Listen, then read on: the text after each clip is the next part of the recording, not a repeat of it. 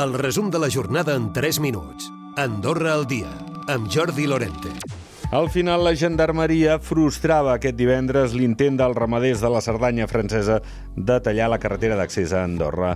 Els manifestants eh, pensen que és injust.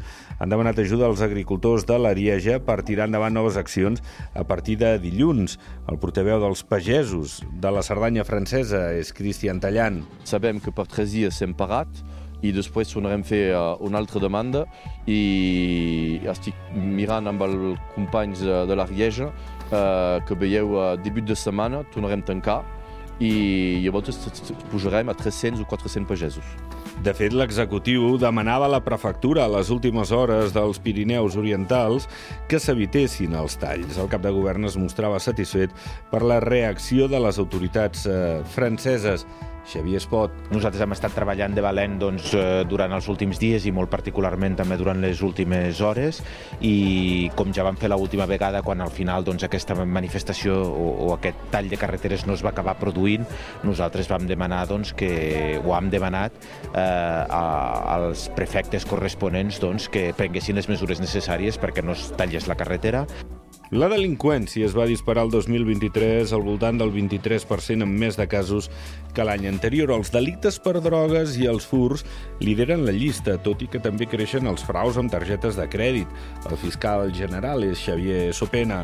Sí, perquè tenim moltíssimes denúncies per utilització indeguda de targetes de crèdit eh, i essencialment també els furs. Eh? Són els dos delictes que més han incrementat durant aquest 2023. D'entre la resta d'apartats destaca l'augment considerable dels delictes contra la seguretat col·lectiva, el contraband, que lidera aquesta classificació, la tinença il·legal d'armes o l'associació il·lícita. Els delictes contra la llibertat sexual continuen sent els que més preocupen a la Fiscalia. Tot i que el 2023 es va registrar un descens del 7%, la tipologia dels delictes ha variat. I l'home, trobat sense vida aquest dimecres al riu d'Arinsal, era un turista català de la zona de Tarragona de 40 41 anys. Així ho va determinar la investigació de la policia, encara pendent de determinar les causes de la mort. L'autòpsia, amb la comparació de les empremtes dactilars, ha permès als investigadors confirmar la identitat del difunt. I aquest divendres Andorra ha estat l'epicentre del món streamer i és que s'han organitzat una nova edició dels premis que organitza The Gref, el CESLAN. El promotor d'aquests premis en parlava.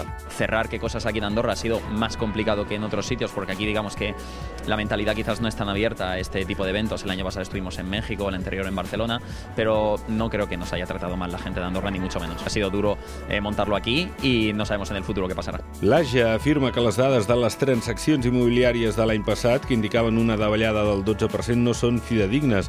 Segons l'entitat, ha operacions pendents i promocions en curs que poden fer variar les xifres que que s'han fet públiques. Recupera el resum de la jornada cada dia a AndorraDifusió.d i a les plataformes de podcast.